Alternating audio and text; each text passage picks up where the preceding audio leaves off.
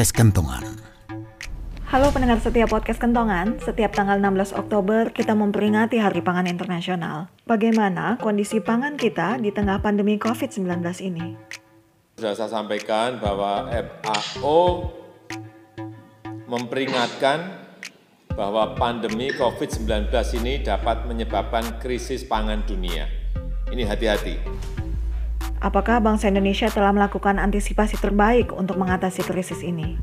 akan dibahas langkah-langkah antisipasi yang harus kita lakukan dalam rangka uh, memenuhi kebutuhan pokok rakyat. Simak podcast Kentongan episode ke-29 berikut ini bersama Esther Yusuf, SHMSI, pengamat patologi sosial. Selamat mendengarkan.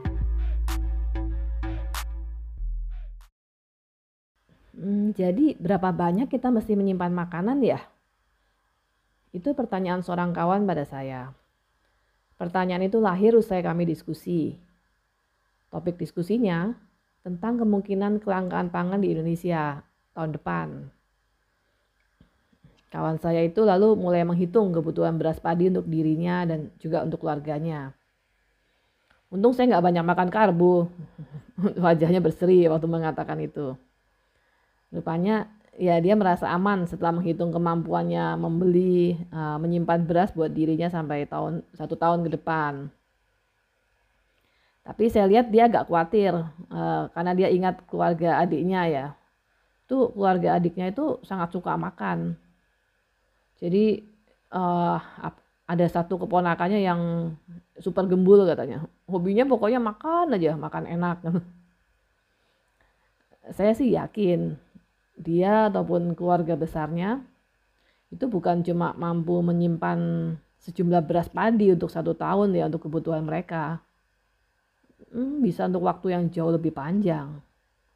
Bukan hanya beras padi ya, tapi juga ya, hmm, macam-macam kebutuhan lainnya lah. Profesor Dwi Andrea Santosa itu pernah bicara begini.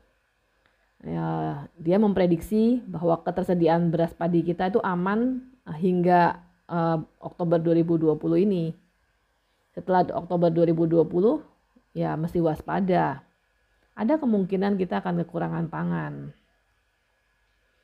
Kalau mendengar pernyataan uh, profesor ini, mungkin banyak orang tidak akan ambil pusing.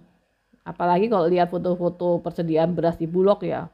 Itu kan kelihatan menggunung tumpukan berasnya.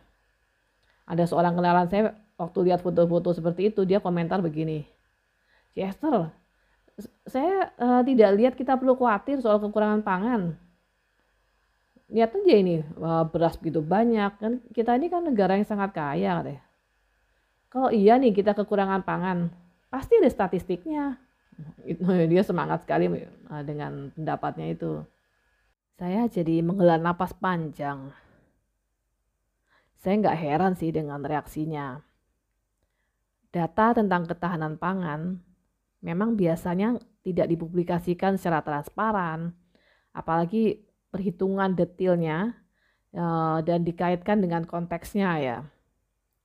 Misalnya data terkait jumlah beras padi, jumlah impor beras padi, terigu, itu bukan data yang biasa dipublikasi dengan cara yang mudah dipahami masyarakat. Biasanya publikasi itu sebatas jumlah beras padi kita itu secara keseluruhan. Uh, dengan uh, foto berkarung-karung beras yang tertumpuk rapi yang tampak ya sangat melimpah. Tapi data semacam itu itu tidak dikaitkan dengan jumlah penduduk Indonesia, tingkat konsumsi, apalagi dengan prediksi ke depan. Misalnya bagaimana jika panen beras padi itu gagal itu satu hal yang sangat mungkin dihadapi di depan. Kita sudah lihat uh, masa penghujan kita, musim penghujan ini mundur. Lalu kita lihat perubahan iklim jelas menunjukkan bahwa uh, dunia akan kekurangan air. Ini belum dikaitkan lagi misalnya dengan pandemi COVID-19. Orang nggak bisa sembarangan bertani karena ada pandemi COVID-19 ada uh, resesi ekonomi, itu tidak dikaitkan. Sekarang mari kita hitung jumlah pangan kebutuhan bangsa Indonesia ya. prediksi jumlah penduduk Indonesia itu ada 269,6 juta jiwa. Nah, kebutuhan konsumsi beras harian tiap orang, ini sesuai perhitungan BPS ya, itu 380 gram per hari. Artinya kita itu membutuhkan 102 uh, 102.448 ton beras per hari. Nah, asumsinya tiap orang itu cuma makan 380 gram beras per hari. Kan banyak kita makan lebih dari itu. Teman-teman, uh, seberapa banyak sih 380 gram nasi itu? Kira-kira itu satu centong nasi beratnya 100 gram. Jadi satu hari itu kita uh, kalau yang makannya 380 gram itu kira-kira 4 centong nasi kurang lah ya. Coba deh masing-masing dihitung berapa gram uh, jumlah beras padi yang kita makan tiap hari. Atau hitungnya bisa juga begini. Jadi kira-kira satu sendok makan itu beratnya 10 gram. Jadi kalau sekali makan itu 100 eh, gram nasi itu sekitar 10 sendok makan ya. Nah, kalau uh, satu hari ya 38 sendok makan. Kita nggak usah khawatir lah, panen raya kita baru saja berhasil baik. Itu teman saya komentar begitu. Ada lagi seorang petani bilang begini, Bu, hujan masih banyak, Bu. Di sini malah hujan terus. Itu petani itu chat uh, ke saya ya WhatsApp. Dia sama sekali nggak percaya karena ada kekeringan panjang. Loh, daerahnya itu sangat subur. Perkebunan singkongnya itu terhampar luas. Bahkan ada banyak petani juga yang berpikir, ah ini cuma uh, politik. Jadi isu-isu ketahanan pangan, kelangkaan pangan itu sengaja dihembus-hembuskan supaya uh, harga harga jual produk pertanian itu rendah. Ya, petani ini tentu nggak menengok data di negara-negara lain. Saya lihat seperti kebanyakan orang di perdesaan, bukannya perdesaan ya, banyak orang di kota juga. Itu menggunakan telepon genggamnya, uh, internet ya, itu cuma untuk media sosial. Jadi ya WhatsApp, Facebook, Line, Instagram, juga Telegram. Jarang yang menggunakan mm, internet eh, atau telepon genggamnya itu buat cari data atau berita, apalagi buat analisa. Seandainya itu dilakukan, tentu akan menemukan data yang sama bahwa sekarang itu negara-negara lain di dunia itu sangat agresifnya menimbun aneka pangan loh. Mereka melakukan impor pangan besar-besaran, termasuk ke Indonesia, dan mereka menghambat uh, menghambat ekspor uh, pangan mereka itu secara ekstrim. Kita ini seperti nggak menyadari bagaimana urgensi ketersediaan pangan bangsa kita saat ini, apalagi ke depan. Bu, saya bingung. Ini ada pengusaha-pengusaha itu tiba-tiba nyari-nyari kami. Eh, katanya mau beli ratusan ton tepung mokaf buat diekspor. Itu sampai 500 ton, rutin tiap bulan mintanya, Bu. Itu curhat seorang petani kepada saya. Uh, setahu dia impor tepung mokaf ini akan dilakukan untuk Jepang ya. Wah, padahal sebelumnya tepung mokaf Indonesia atau uh, dan tepung-tepung lainnya itu seperti bukan sesuatu yang dilirik. Bahkan berulang kali petani-petani kita itu menjerit karena harga singkongnya sangat murah. Sementara produk tepung singkong itu melimpah ya. Uh, impor uh, besar-besaran kan dari Vietnam, dari Thailand dan negara-negara lainnya. Padahal produksi dalam negeri sangat banyak. Nah, di sisi lain negara-negara lain itu juga melakukan pembatasan ekspor pangan tadi itu ketat sekali.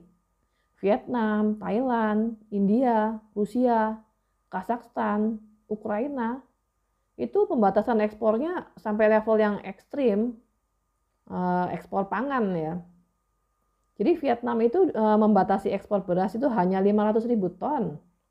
Padahal sebelumnya nih itu rata-rata tuh enam setengah juta ton. Ini berkali-kali lipatnya kan. Negara kita biasanya impor beras tuh dari Vietnam dan Thailand. Kalau kita gagal panen atau kurang, ada bencana atau masalah pangan lainnya. Jadi angka enam setengah juta ton tiba-tiba dikat jadi hanya 500 ribu ton kalau lihat negara-negara itu melakukan pembatasan ekspor pangan yang sebegitu ketat. Apa yang ada di pikiran teman-teman ya? Kita sebagai pihak konsumen mungkin nggak sadar ada petani-petani yang berjuang sangat keras. Apalagi di situasi pandemi gini, dampak krisis itu ke berbagai sektor. Saya jadi ingat curhat seorang petani beras ya di daerah Cianjur Selatan.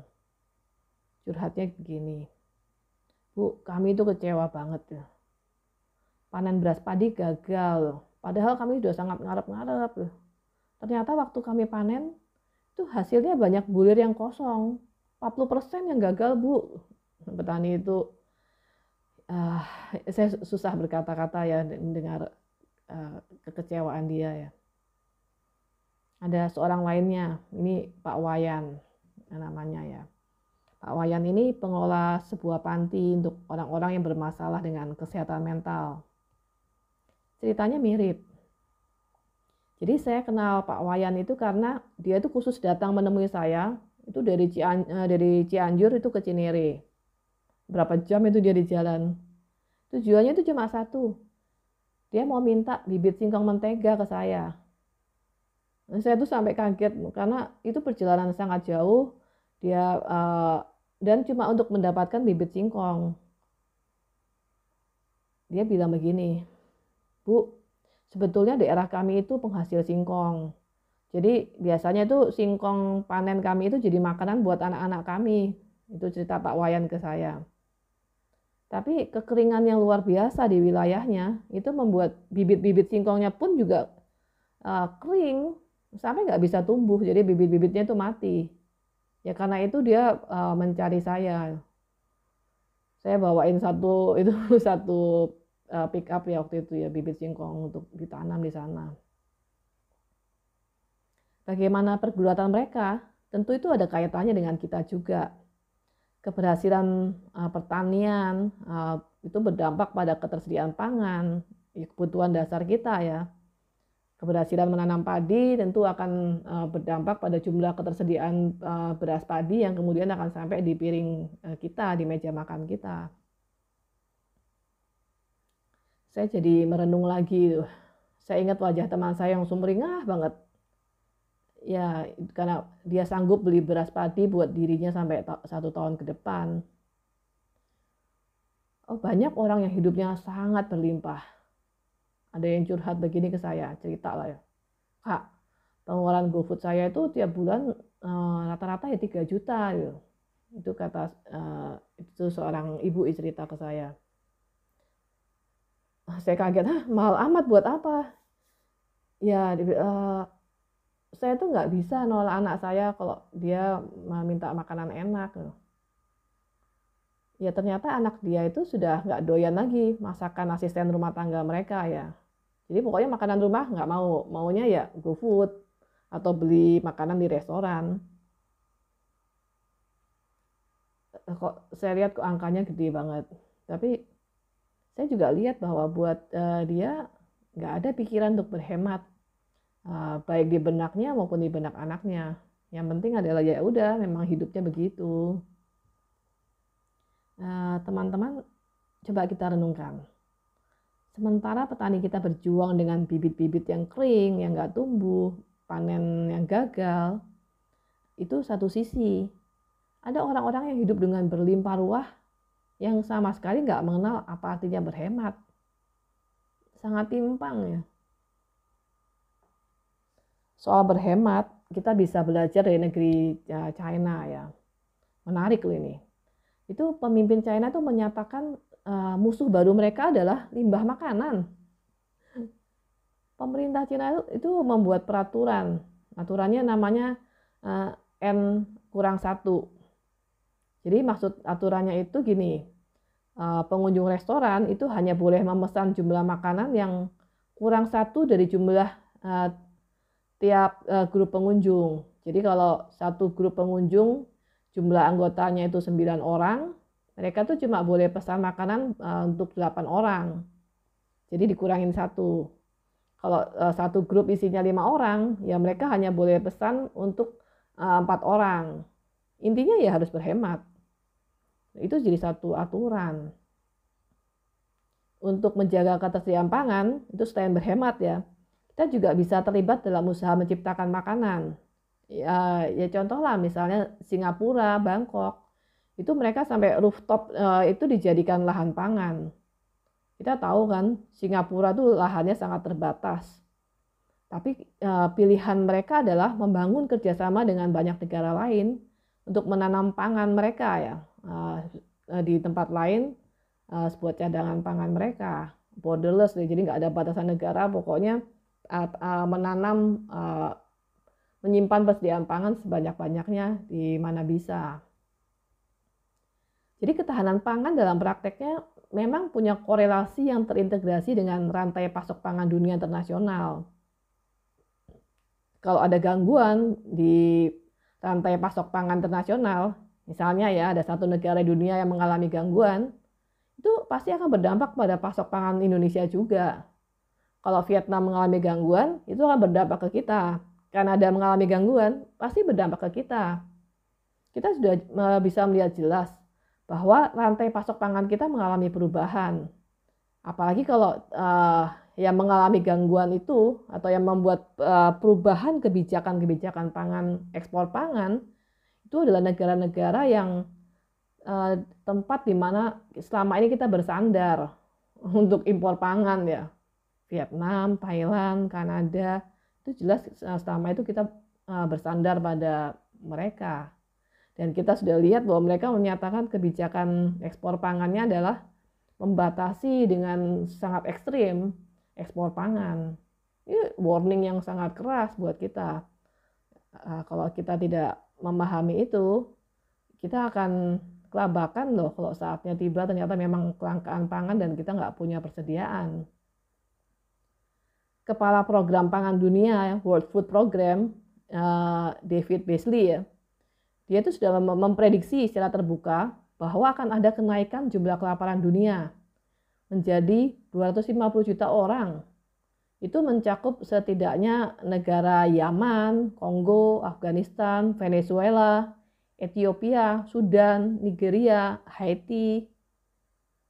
Jadi jelaslah uh, bisa kita prediksi bahwa rantai pasok pangan Indonesia dan juga dunia internasional pasti terpengaruh dengan kebijakan pembatasan ekspor pangan dari beberapa negara seperti Kazakhstan atau Vietnam. Semua data dan uh, fakta yang saya ceritakan ini kemungkinan besar juga uh, sudah didengar oleh banyak orang ya. Teman-teman saya yakin juga dengar. Tapi pertanyaan saya, setelah menerima informasi-informasi semacam itu, apakah uh, mata kita itu sungguh-sungguh terbuka, menaruh perhatian dan mau mempersiapkan diri menghadapi itu. Kak, persediaan makanan di rumahku banyak kak, aman lah. Itu seorang anak muda bicara ke saya begitu. Saya lalu ajak dia diskusi tentang dampak krisis pangan, biar dia nggak mikir yang di rumahnya aja ya. Kemungkinan krisis pangan itu bisa berdampak pada konflik sosial, Teman-teman, sejarah itu memperlihatkan bahwa krisis pangan bisa mengakibatkan suksesi. Nah, itu banyak terjadi pada banyak negara di masa yang lalu. Tahun 2008 itu terjadi krisis pangan di 36 negara dunia. 12 negara itu berdampak konflik sosial yang besar. 2011 itu terjadi krisis pangan lagi. Dampaknya itu konflik sosial di 15 negara bahkan termasuk pergantian rezim ya di beberapa negara di Timur Tengah dan juga di Afrika Utara. Nah, coba kita lihat prediksi kemungkinan konflik sosial Indonesia ya. Eh, kita coba analisa misalnya dari statistik kriminal Indonesia. Sebentar, coba kita lihat tahun 2018. Itu jumlah kejahatan yang dilaporkan ada 34.655 kejadian. Jumlah konflik sosial massal nih ada di 3.100 desa, di berbagai desa nih di seluruh Indonesia. Nah, angka ini kan belum termasuk kejadian yang tidak dilaporkan atau kejadian konflik di masa lalu yang belum tuntas penyelesaiannya secara sosial atau, ataupun secara hukum ya. E, juga kita belum hitung nih berkembangnya paham-paham disintegrasi bangsa. Ini sangat banyak kan. Itu real ada di Indonesia. Jadi krisis pangan itu punya dampak ke mana-mana, ke sosial, kriminal, disintegrasi bangsa, macam-macam lah. Anak muda itu jadi merenung. Uh, saya lihat dia mulai merasa takut. Takut membayangkan kalau keluar dari rumahnya, dari kompleks perumahan tempatnya tinggal, dia akan jumpa banyak orang yang lapar, orang yang mungkin melakukan tindakan kriminal. Sebetulnya kalaupun nggak keluar rumah, tapi membayangkan tetangga kita, tahu persis tetangga kita kelaparan, itu pun membuat hati tidak tentram. Dan jumlahnya bisa sangat banyak orang yang mengalami kesusahan. Kalau memang kelangkaan pangan itu sungguh terjadi dan kita nggak menyiapkan apa-apa. Kita bersantai dan berpikir semua akan baik-baik saja. Kebaikan itu perlu dipersiapkan. Kita tak perlu berkecil hati, Berkecil hati itu tak ada gunanya. Hanya melemahkan, membuat kita takut. Kita punya waktu untuk menyiapkan cadangan pangan kita, menghidupi budaya pangan Nusantara yang lebih sesuai dengan budaya kita, bermartabat. Kita bisa. Profesor Dr. Insinyur Otto Sumarwoto, ini pakar ekologi Indonesia, eh, dia melihat bahwa masalah pangan itu pilihan budaya, baik nilai, pola, penganekaan pangan, maupun daya dukung lingkungan, itu pilihan. Artinya, kunci menghadapi krisis pangan adalah pilihan cara berpikir dan bertindak. Pilihan cara berpikir dan bertindak. Ini artinya pendidikan adalah pilihan strategis untuk mengatasi masalah pangan. Pendidikan di Indonesia sampai sekarang belum membawa dampak signifikan pada pola makan saya sering minta para guru atau kepala sekolah itu mengajarkan diversifikasi pangan pada siswa atau komunitas pendidikan di sekolah. Pada umumnya tidak tampak kesungguhan ya untuk mengupayakan ide uh, tentang diversifikasi pangan ini bisa dijalankan di sekolah. Uh, beberapa guru cerita hal yang mirip. Salah satu bilang begini, ya sih bu, saya kalau ngajar soal empat sehat lima sempurna, Eh, saya tuh akan otomatis bicara tentang sepiring nasi, lauk pauk, buah, sayur, dan susu. Itu pengakuan seorang guru. Dia sebetulnya sangat paham bahwa nggak harus sepiring nasi. Sepiring nasi itu bisa diganti dengan misalnya uh, semangkuk bubur jagung, uh, sagu, uh, sagu pakai sambal roa itu kan enak sekali ya. Lalu mie singkong pakai butter atau bakwan mocha tapi otomatis waktu dia mengajar itu muncul ya sepiring nasi. Uh, dia juga cerita tentang uh, walaupun pengetahuan itu ada tapi itu belum mengubah cara berpikir. Jadi hanya di level pengetahuan tahu Eh, bisa cukup makan kentang saja sudah memenuhi kebutuhan karbohidrat dan rasa kenyang ya bisa untuk uh, sehat. Makan ubi bisa tapi pilihannya tetap berjalan otomatis sehari-hari ya makan sepiring nasi yang ibu inginkan itu perubahan budaya. Nggak mungkin itu terjadi di kota bu kata seorang guru menambahi.